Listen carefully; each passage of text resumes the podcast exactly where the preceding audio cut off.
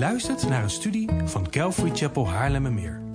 We bidden dat de Heer tot je zal spreken en je zult groeien in jouw persoonlijke relatie met de levende God. Bezoek voor meer informatie onze website calvarychapel.nl. Dat is C-A-L-V-A-R-Y-C-H-A-P-E-L.nl.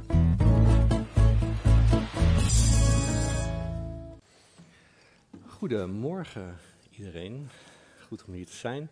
Ehm, voor degenen die mij niet kennen, mijn naam is Mark Laporte. En ik eh, mag vandaag eh, het woord brengen, wat een, uh, een zegen is, denk ik. Ehm, wat betekent het om Gods medearbeiders te zijn? Dat is de vraag waar we vandaag naar gaan kijken en Gods woord in gaan openen. En dat gaan we doen door naar een aantal versen te kijken in 1 Korinthe hoofdstuk 3. En uh, dus daar mag je alvast je Bijbel bij openslaan. 1 Korinthe, hoofdstuk 3. En dit hoofdstuk zit midden in een betoog van Paulus van, uh, van vier hoofdstukken lang. Dat we wellicht het beste kunnen betitelen als Gods wijsheid voor een verdeelde gemeente.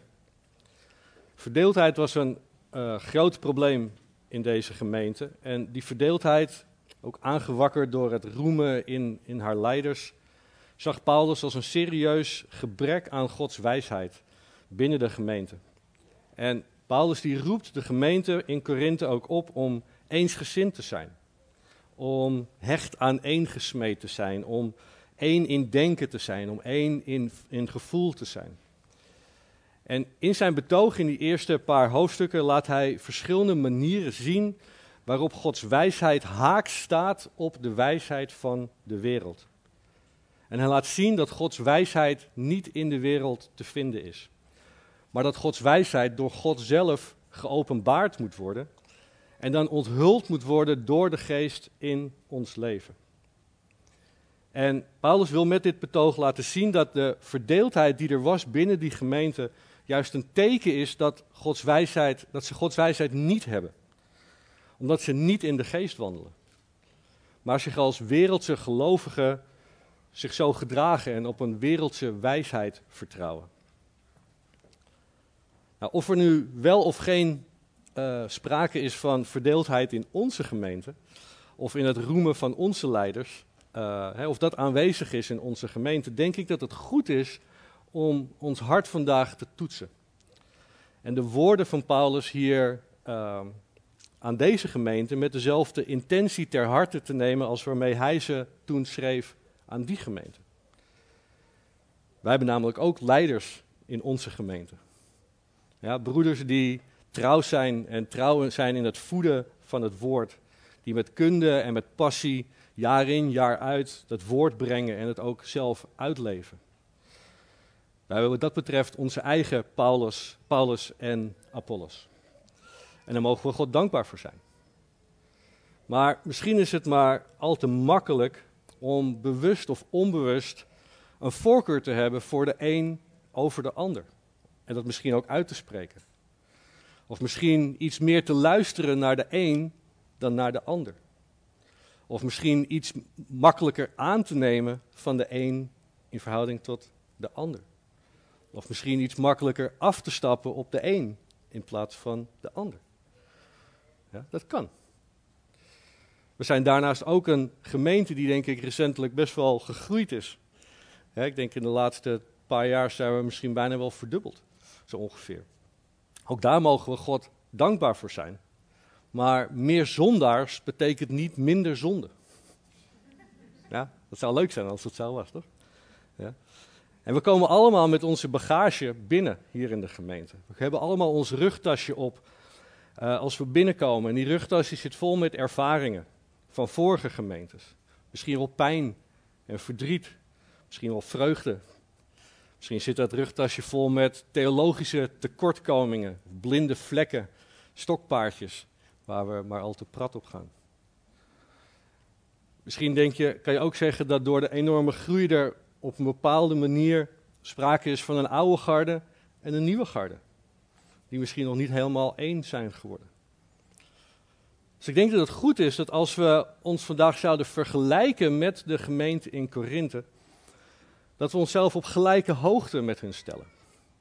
Niet omdat we zo nou, zo, dus, niet omdat we zeg maar, hetzelfde verdrag vertonen, maar omdat principieel de boodschap van Paulus aan die gemeente net zo goed een boodschap is voor ons aan onze gemeente. Misschien iets minder als correctie, zoals Paulus het hier bedoelt, maar dan meer als waarschuwing of meer als aanmoediging voor ons. Ik denk dat als we zo'n houding aannemen ten opzichte van deze tekst, dat het ons in de beste positie zet om echt vast te grijpen waar Paulus hier op doelt en wat hij van ons verwacht. En om ook zeg maar echt het, vaderhart van Paulus te proeven in deze tekst. Dus ik wil met jullie de tekst gaan lezen voor vandaag. En uh, alhoewel we maar naar vijf versen in hoofdstuk 3 gaan kijken, wil ik een iets groter stuk lezen. Voor, puur vanuit context. Dat we wat beter voelen wat er voor en daarachter komt. Dus uh, keer in de hoofdstuk 3 en ik ga lezen vanaf vers 1 tot en met vers uh, eh, 15. En ik, broeders, kon tot u niet spreken als tot mensen die geestelijk zijn, maar als tot mensen die nog vleeselijk zijn. Als tot jonge christenen, tot jonge kinderen in Christus. Ik heb u met melk gevoed en niet met vast voedsel, want u kan dat nog niet verdragen. Ja, u kunt dat ook nu nog niet, want u bent nog vleeselijk. Als er immers, onder u afgunst is en ruzie en tweedracht, bent u dan niet vleeselijk en wandelt u dan niet naar de mens? Want als iemand zegt, ik ben van Paulus en een ander, ik van Apollos, bent u dan niet vleeselijk? En hier komt onze verse van vandaag. Wie is Paulus dan? En wie is Apollos? Anders dan dienaren door wie u tot geloof gekomen bent, en dat zoals de Heere aan ieder van hen gegeven heeft. Ik heb geplant, Apollos heeft begoten, maar God heeft laten groeien. Dus is dan nog hij die plant iets, nog hij die begiet, maar God die laat groeien. En hij die plant en hij die begiet zijn één. Maar ieder zal zijn eigen loon ontvangen, overeenkomstig zijn eigen inspanning.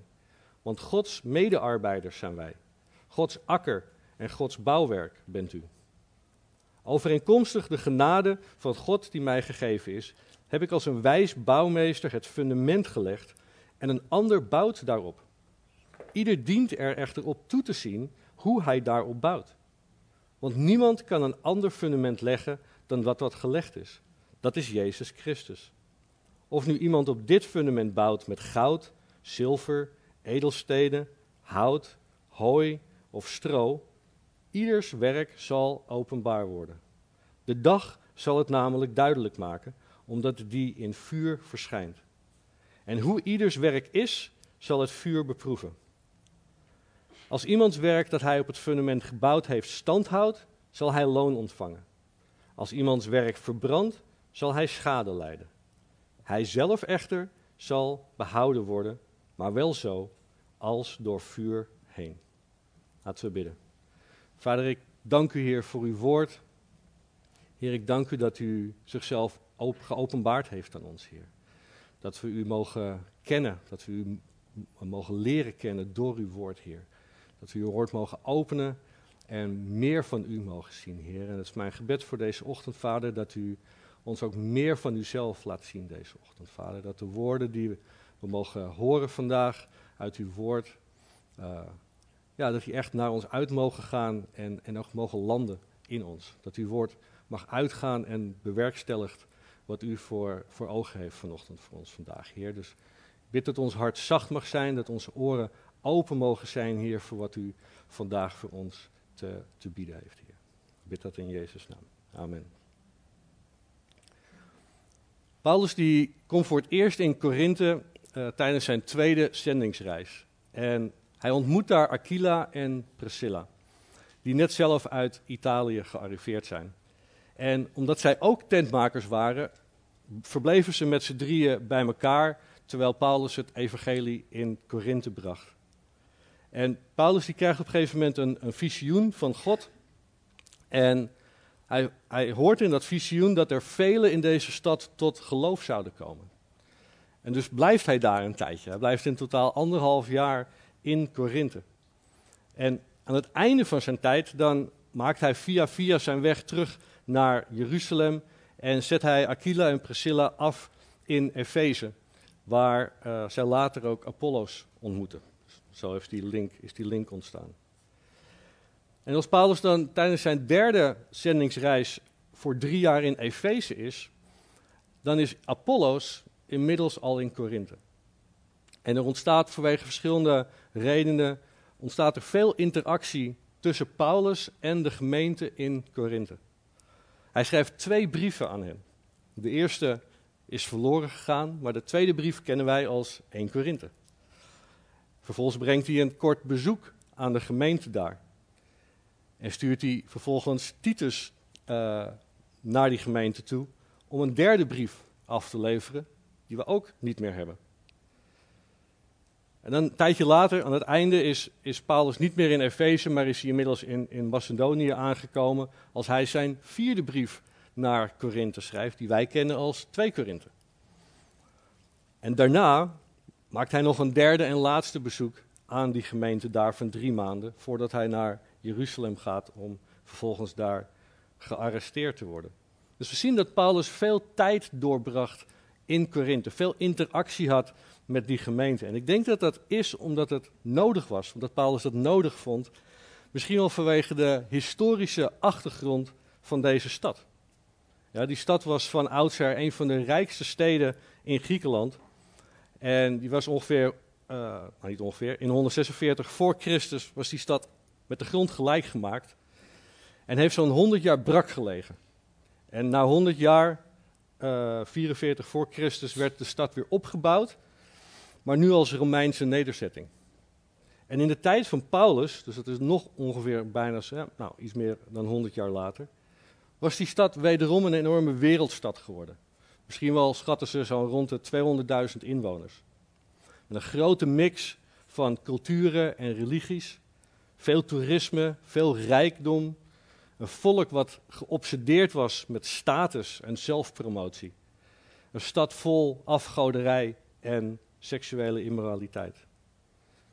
Ik las zelfs van één commentator die Korinthe uh, tegelijkertijd vergelijkt met het New York, Los Angeles en Las Vegas van de oude wereld. Ik weet niet wat dat in onze context in Nederland zou moeten zijn. Ik weet het niet. Het Amsterdam, Rotterdam en Den Haag van Holland of zo. Ik weet Maar ik denk dat je wel een beeld kan hebben wat die, wat die schrijver daarmee bedoelt. Met betrekking tot wat daar uh, heeft afgespeeld.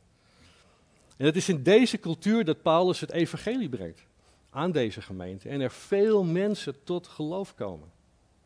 Het is dus een jonge gemeente. als Paulus naar hen schrijft, is die gemeente ongeveer vijf jaar oud. Vol met nieuwe gelovigen en ondergedompeld in de cultuur die compleet averechts was op wat Gods woord zegt. En die rugtas vol cultuur brachten ze dus ook de gemeente in. Ze brachten hun wereldse wijsheid de gemeente in. Ze brachten de wereldse manieren van leiderschap de gemeente in. Ze brachten hun rijkdom en macht en drang tot omkoperij de gemeente in. Ze brachten hun heidense religies en spiritualiteit de gemeente in. En het resultaat was dat het een gemeente was met, laten we zeggen, een misplaatst beeld van haar eigen geestelijke volwassenheid. Ze waren gered maar ze wandelden in het vlees, terwijl ze juist dachten van hunzelf dat ze in de geest wandelen en geestelijk volwassen waren. Maar dat komt omdat ze naar hun eigen maatstaf keken. Ja, naar een wereldse maatstaf in plaats van naar Gods maatstaf. En Paulus wijst hen erop dat die verdeeldheid in de gemeente die er ontstaan is, juist een teken is dat Gods wijsheid, dat ze die niet hebben. Maar dat ze dat ze niet in de geest wandelen, maar zich als wereldse gelovigen, als jonge christenen in Christus gedragen. Dat is zijn conclusie tot nu toe als we in hoofdstuk 3 aankomen. En als we in deze versen lezen, ik ga ze nog een keer lezen, um, en daar doorheen gaan, dan denk ik dat als we kijken naar het punt wat Paulus maakt, dat hij eigenlijk één punt maakt in die versen, wat hij vanuit verschillende hoeken belicht. Dus laten we nogmaals vanaf vers 5 tot en met 9 lezen, uh, onze tekst voor vandaag. Wie is Paulus dan? En wie is Apollos? anders dan dienaren door wie u tot geloof gekomen bent. En dat zoals de Heere aan ieder van hen gegeven heeft. Ik heb geplant, Apollos heeft begoten, maar God heeft laten groeien. Dus is dan nog hij die, iets, die plant iets, nog hij die begiet, maar God die laat groeien. En hij die plant en hij die begiet zijn één. Maar ieder zal zijn eigen loon ontvangen, overeenkomstig zijn eigen inspanning. Want Gods medearbeiders zijn wij, Gods akker en Gods bouwwerk bent u. Terug in hoofdstuk 1, in vers 11 en 12, zouden we kunnen lezen dat Paulus zegt dat er tenminste vier verschillende facties zijn binnen deze gemeente. Vier verschillende groeperingen van mensen die zich scharen achter een leider. Er waren mensen die, die Paulus aanhingen. Nou, als, je, als je denkt dat deze cultuur echt enorm gedreven werd door status, dan is het logisch misschien te denken dat als je zegt dat je vriendjes bent met de stichter van de gemeente, dat je misschien een streepje voor hebt. Ja. Het is Gods genade dat wij onze stichter, onze gemeentestichter, nog in ons midden hebben. En wellicht dat sommigen van ons toch een soort natuurlijke aantrekkingskracht voelen richting hem. Misschien ben je van de oude garde en mag je zeggen dat je hem al heel lang, of misschien vanaf het begin, al kent. Misschien wil je toch stiekem graag met hem gezien worden. Of uh, wil je simpelweg kunnen zeggen: Ik ken hem. Dat kan. Er waren ook mensen die Apollos aanhingen. Als een welbespraakte Jood die het schrift goed kende en die vrijmoedig en vurig van geest was, paste hij denk ik goed binnen de Griekse cultuur. Ja, en in de cultuur van de gemeente. Dus was het denk ik voor mensen makkelijk om hem aan te hangen.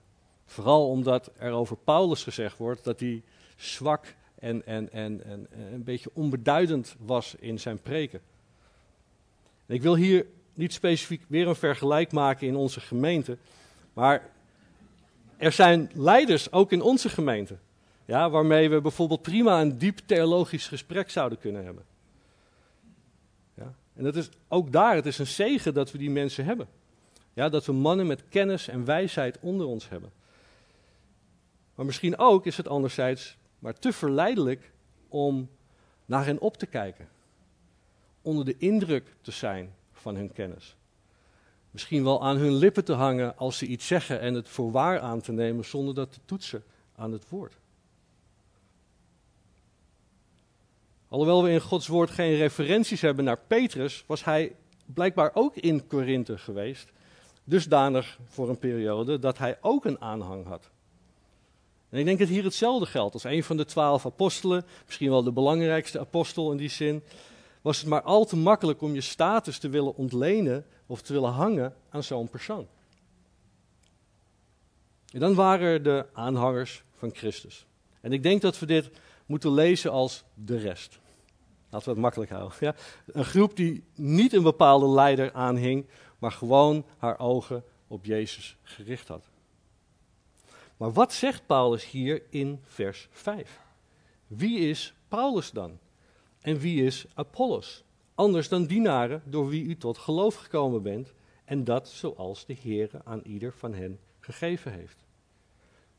Paulus en Apollos zijn niets anders dan dienaren. Of beter gezegd misschien, ze zijn slechts dienaren. De Corinthiërs die hadden een honger naar status en ze wilden zich kunnen scharen achter een belangrijk persoon. Maar Paulus haalt hier compleet hun wereldse denkbeeld onderuit en zegt dat ze slechts dienaren zijn.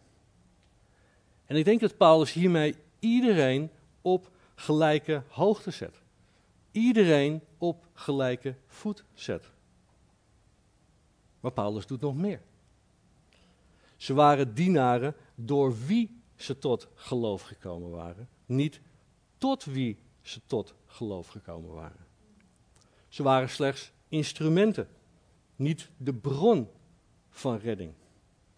Paulus zegt niet voor niets in hoofdstuk 1, vers 13: Is Paulus soms voor u gekruisigd? Natuurlijk niet. Ja, retorische vraag. Het is Jezus die gekruisigd is. Het is Jezus die opgestaan is. Het is Jezus die we volgen. Het is Jezus die we dienen. Dat is wat Paulus hier zegt. Kijk niet naar ons, wij zijn slechts dienaren. Kijk naar Jezus, wiens dienaren we zijn. Ja, dus Paulus die haalt alle focus weg, alle status weg van hemzelf en van Apollos en zet de schijnwerpers op Jezus zoals het hoort. Toen Jezus met zijn discipelen in Capernaum was, hadden de discipelen een discussie onderweg gehad over wie de belangrijkste was. En Jezus zei tegen hen in Marcus 9, vers 35: Als iemand de eerste wil zijn, moet hij de laatste van allen zijn en een dienaar van allen. Nou, als we de vraag moeten beantwoorden wie is de belangrijkste, dan kunnen we zeggen Jezus is de belangrijkste. Ja? Jezus is niet gekomen om gediend te worden, maar om te dienen. En zijn leven als losgeld te geven voor ons. Hij is de laatste van allen geworden. Hij is de dienaar van allen geworden. Dat is het voorbeeld dat hij ons gegeven heeft en dat wij mogen navolgen. Wij zijn slechts dienaren, de laatste. Dat is wie wij zijn. En we zijn allemaal gelijke dienaren, zegt Paulus, ongeacht de rol die ons is toebedeeld als dienaar. Of je nu de gemeentestichter bent, of de oudste bent, of degene bent die aan het spreken is. We zijn allemaal gelijke dienaren. Niemand is daarvan uitgezonderd. Dat is het eerste punt, denk ik, wat Paulus hier maakt. Er is Jezus en er is de rest, zijn dienaren. Maar Paulus gaat verder met zijn tweede punt in vers 6 en 7. En hij zegt: Ik heb geplant, Apollos heeft begoten, maar God heeft laten groeien. En ik denk dat we hier een aantal observaties uit kunnen halen uit deze beeldspraak. Ten eerste, het werk van de een zonder de ander is nutteloos. Het werk van de een zonder de ander is nutteloos. Er moet zowel geplant als bewaterd worden. Ze zijn afhankelijk van elkaar. Ze dragen allebei bij aan het einddoel. Ze voegen aan elkaar toe. Maar het een zonder de ander is nutteloos. Tweede punt wat we hieruit kunnen halen, is dat beide taken essentieel zijn. En het werk van de een niet belangrijker is dan het werk van de ander. Zowel het planten als het begieten zijn essentieel. Zonder planten valt er niks te begieten. En zonder begieten is het planten van korte levensduur. Beide zijn even belangrijk in het proces om het einddoel te halen. Ten derde volgt daar dan uit dat een, een rivaliteit tussen degene die plant en degene die bewatert gewoon absurd is. Het slaat echt nergens op. Sterker nog, als er niet wordt samengewerkt in het bewerken van dat veld, dan is de kans groot juist dat de oogst geruineerd wordt. En als laatste punt hierop, het is God die de oogst produceert. Ja? Degene die beplanten, verspreiden slechts het zaad dat hen gegeven is door God. En brengen het in contact met de grond die voorbereid is door God. Voor degene die bewateren, houden die slechts de grond vochtig voor mogelijke groei met water dat gegeven is door God.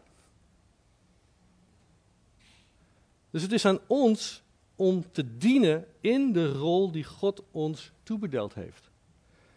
En een ieder van ons heeft zijn of haar unieke rol daarin. En ieder van ons is nodig, maar allebei, elke rol is even belangrijk. Dragen allebei bij aan hetzelfde doel. Ja, dus God vraagt aan een ieder van ons om onze rol als dienaar op te pakken en te vervullen. Om onderling afhankelijk te zijn van elkaar. Dus het maakt niet uit, want de ene rol is daardoor dus niet beter of belangrijker dan de andere rol. Ze zijn juist complementair. Ze vullen elkaar aan. En God verwacht dus dat we onze rol als dienaar opnemen en dat we hard werken voor Hem. In Zijn genade natuurlijk. Maar we moeten niet vergeten dat het God is die alles laat groeien. Niet wij. En het moment dat we dat uit het oog verliezen, het moment dat we onze ogen van Jezus afnemen in dat proces en naar onszelf gaan kijken, of onjuist onszelf tot een ander, uh, dan gaan we juist onjuist onszelf of een ander als een belangrijke of de meest belangrijke schakel zien in wat we doen. Maar God is de meest belangrijke schakel in wat we doen. Nou, als vers 6 nog niet duidelijk genoeg is, dan gaat Paulus in vers 7 het nog duidelijker maken. En ik denk dat Paulus juist overduidelijk wilde zijn richting de Corinthiërs. En ik ben blij dat hij dat heeft gedaan, want dat geeft ons ook de mogelijkheid om het echt scherp op ons netvlies te krijgen. Hij zegt in vers 7: Dus is dan nog hij die plant iets, nog hij die begiet, maar God die laat groeien. Lieve broeders en zusters, ik wil jullie niet teleurstellen, maar het gaat niet om ons. Dat is het hele punt wat Paulus hier maakt.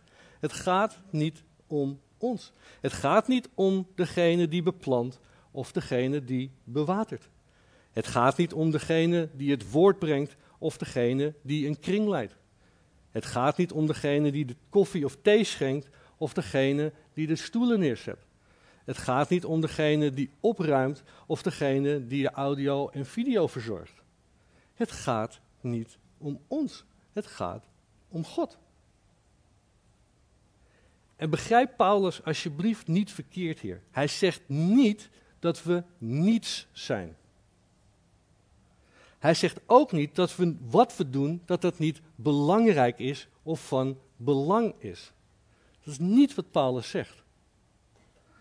Wat hij wel zegt, is dat geen van onze taken iets zijn in vergelijking met het werk van God. Want het gaat om God. Hij doet alles groeien. Dus met andere woorden, laten we onze focus verschuiven van, van naar elkaar toe naar God toe. Want een ieder van ons is slechts een dienaar van God. Er is geen verschil tussen ons.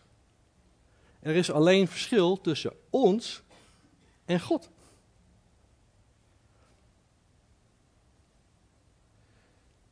Als je dus een dienaar van God bent en je vervult je taak zoals God je die gegeven heeft, wat die taak dan ook is, dan is dat werk belangrijk en essentieel voor de gemeente. Wat die taak ook is. Waarom? Omdat die taak gegeven is door God.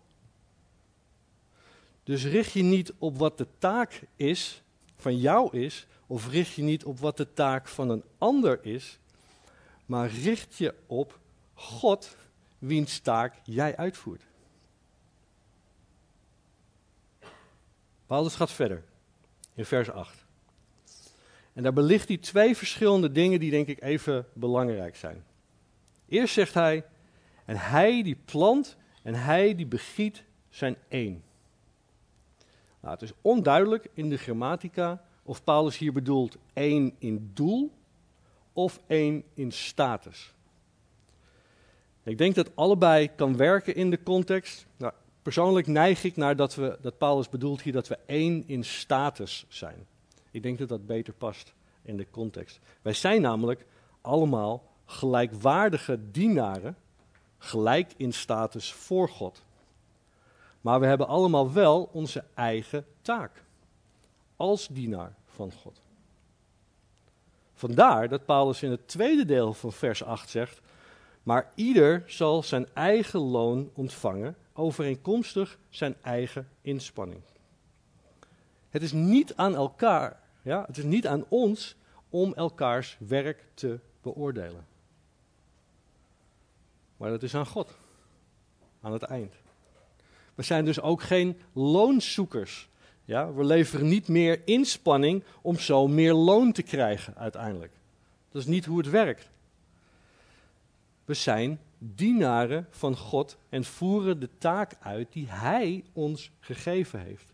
Met de inspanning die Hij van ons verlangt. En een ieder zal zijn eigen loon ontvangen, overeenkomstig zijn eigen inspanning. We kunnen dus niet meeliften op een ander. We kunnen dus geen beroep doen op een bepaalde leider die we zo nodig willen aanhangen. Het is op basis van onze eigen inspanning. En Paulus gaat daarop verder in vers 12 tot en met 15, waar we verder niet naar gaan kijken. Maar als je dat leest, dan zal je zien dat ieders werk uiteindelijk voor God openbaar zal worden. En dat we dus loon naar werken zullen krijgen. En dat klinkt misschien spannend en eng, is het misschien ook. Maar ik denk niet dat Paulus dit zegt om ons bang te maken. Ik denk dat Paulus dit zegt zodat we de verantwoordelijkheid die we van God gekregen hebben als dienaar duidelijk te maken. God verlangt iets van ons. Hij heeft ons een taak gegeven. Hij wil dat we die taak uitvoeren. Met verantwoordelijkheid. Het gaat hier ook niet om redding. Helemaal niet. Ja, vers 15 maakt dat duidelijk.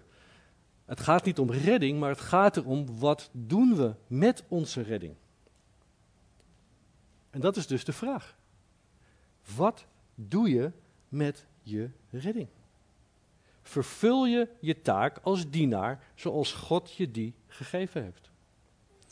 En de directe context waarin Paulus dat hier zegt, is de gemeente. Dus vervul je je taak als dienaar zoals God je die gegeven heeft binnen de gemeente.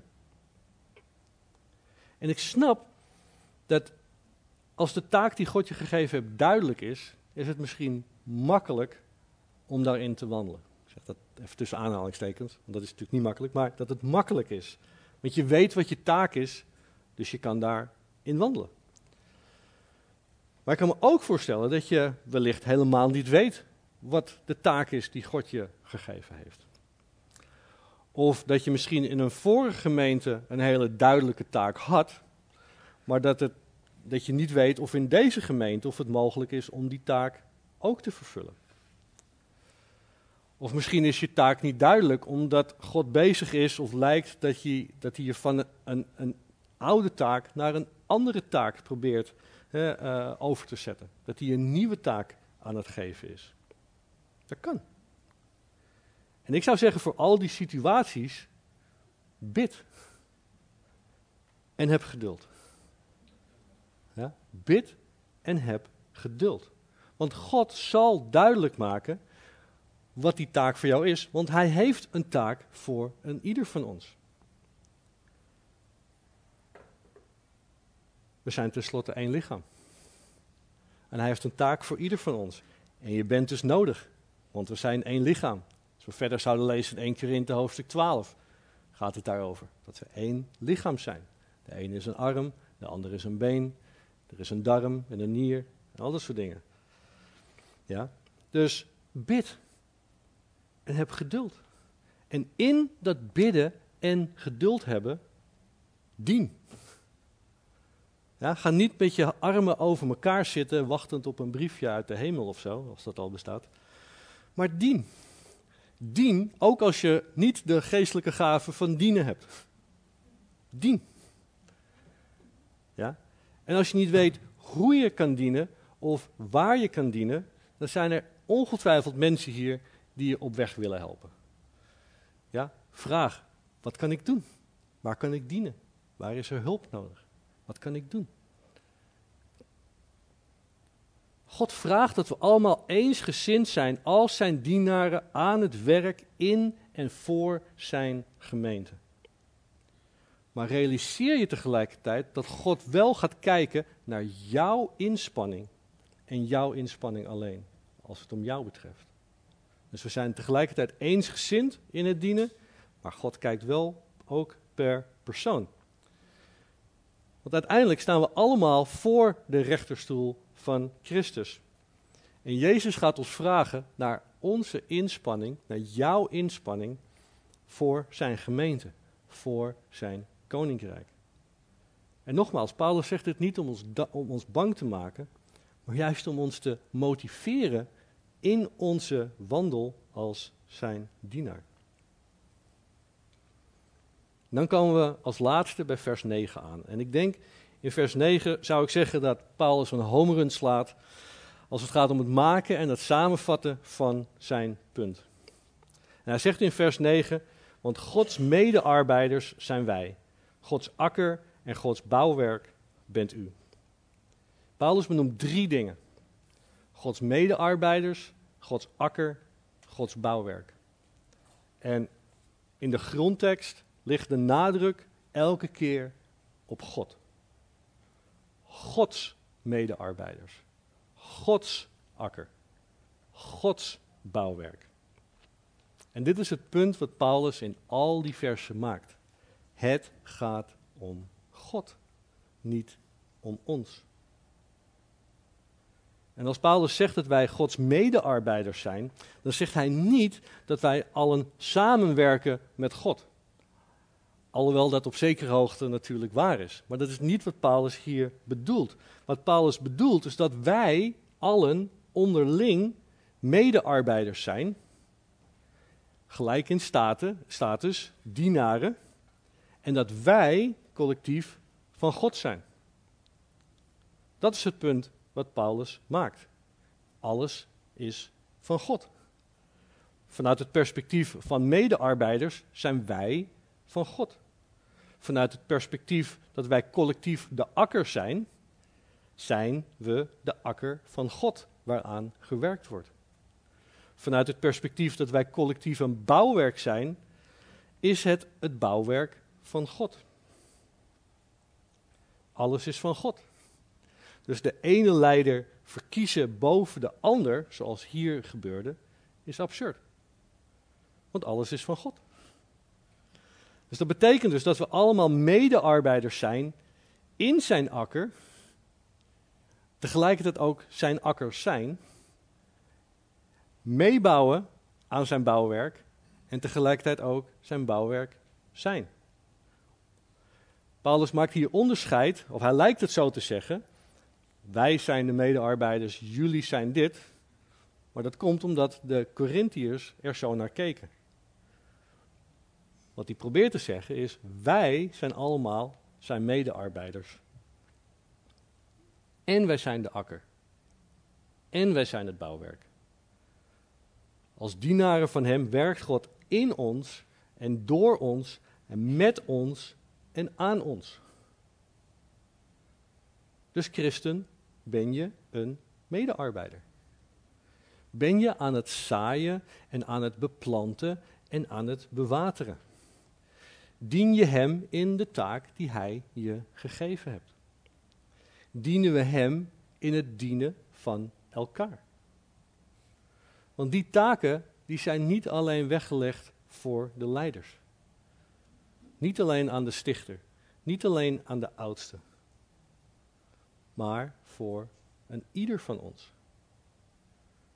Bouw je dus op het fundament dat Jezus is. Zet je zijn werk voort in de gemeente. Help je mee te bouwen aan de gemeente door te dienen in de gemeente. Help je mee te bouwen aan de gemeente door een zoutend licht te zijn daarbuiten zodat God toevoegt aan de gemeente. Ja. Sten heeft het fundament gelegd als wijs bouwmeester op Christus. Maar het is niet aan Sten om te bouwen. Alleen. Het is niet alleen aan Casper om te bouwen. Het is niet alleen aan het leiderschapsteam om te bouwen. Het is aan ons allemaal als zijn dienaren.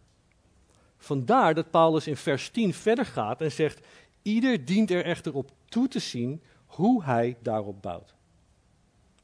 Ieder dient erop toe te zien. Het is aan een ieder om te bouwen. Dus bouw je. En zie je er ook op toe hoe je bouwt. Bouw je op Christus. Dus ik denk in de situatie waar wij zijn als gemeente, denk ik dat nu de tijd is om deze woorden van Paulus ter harte te nemen. Niet omdat we net als toen in die gemeente dat er verdeeldheid is, maar omdat het tijd is om te bouwen. Ja? Nu is de tijd om een medearbeider te zijn. Nu is de tijd om onze ogen op God te richten, de leidsman en voltooier van het geloof. De dienaar die ons is voorgegaan, die ons gediend heeft, waar we een voorbeeld aan kunnen nemen. Ja. Nu is de tijd om deelgenoot te worden aan wat Hij aan het doen is hier in onze gemeente. Laten we bidden. Vader, ik dank u, Heer, voor de boodschap hier van Paulus aan deze gemeente in Korinthe, Heer. Heer, ik dank u voor zijn bemoedigende woorden. Heer, misschien als correctie aan de gemeente toen, maar mag het een bemoediging zijn en misschien ook een waarschuwing zijn voor onze gemeente hier en nu, Vader. Heer, u bent de ultieme dienaar. Heer, u heeft uw leven voor ons gegeven. U bent aan het kruis gegaan. U bent voor ons gestorven en opgestaan en ons nieuw leven gegeven in u. Dat is ons voorbeeld, Vader. Mogen wij echt onze rol als uw dienaar op ons nemen, Vader. Onszelf echt zien in het licht daarvan. Dat we van u zijn. Dat we uw dienaar zijn. Dat u iets van ons vraagt, Heer. laten we niet, laten we geen genoegen nemen met dat niet duidelijk te hebben in ons leven. Heer, maar laten we ons uitstrekken in gebed naar u. En u vragen, Heer, wat wilt u van mij? Hoe wilt u dat ik dien in uw koninkrijk, in uw gemeente? Heer, ik bid dat u ons helpt om echt met elkaar medearbeiders te zijn. Niet de een boven de ander te zien, niet de een belangrijker te zien dan de ander. Maar elke rol, elke taak als even belangrijk zien. Omdat we die voor u uitvoeren, Vader. Heer, help ons om eensgezind te zijn in de gemeente. Om één te zijn in denken en in doen. Op een manier dat het echt bijdraagt aan groei. Heer, laten we planten. Help ons om te bewateren. Heer, maar laten we nooit uit het oog verliezen dat u het bent die alles laat groeien. Dat u het bent die voor de groei zorgt. Heer, maar mogen wij zijn als, als, als was in uw handen. Heer, dat u ons kneedt en stuurt en leidt op de manier dat u wil. Dat we onze taak ten volle mogen oppakken binnen uw gemeentevader, binnen uw lichaam. Heer, help ons daarin. Heer, laten we niet de focus leggen op de loon die we, mogen, die we uiteindelijk mogen krijgen. Heer, maar laten we de focus leggen op het feit dat we iets voor u mogen doen. Dat we uw medearbeiders mogen zijn. Heer, dat u in ons werkt en door ons werkt en, en aan ons werkt, Vader. Heer, we bidden dat u de gemeente doet groeien. We willen dat u in dat proces ons doet groeien. Dat we steeds meer en meer onszelf afleggen ten dienste van u, Vader. Heer, ik bid dat we mogen zien wat de vruchten zijn van ons werk en uw groei binnen onze gemeente, Vader. Help ons daarin. Ik bid dat in Jezus' naam. Amen. Um, het aanbiddingsteam zal naar voren komen en ons leiden in een aantal liederen. Er zullen ook wat mensen aan de achterkant staan die graag met je willen bidden. Um, dus ga naar hen toe als je gebed wil.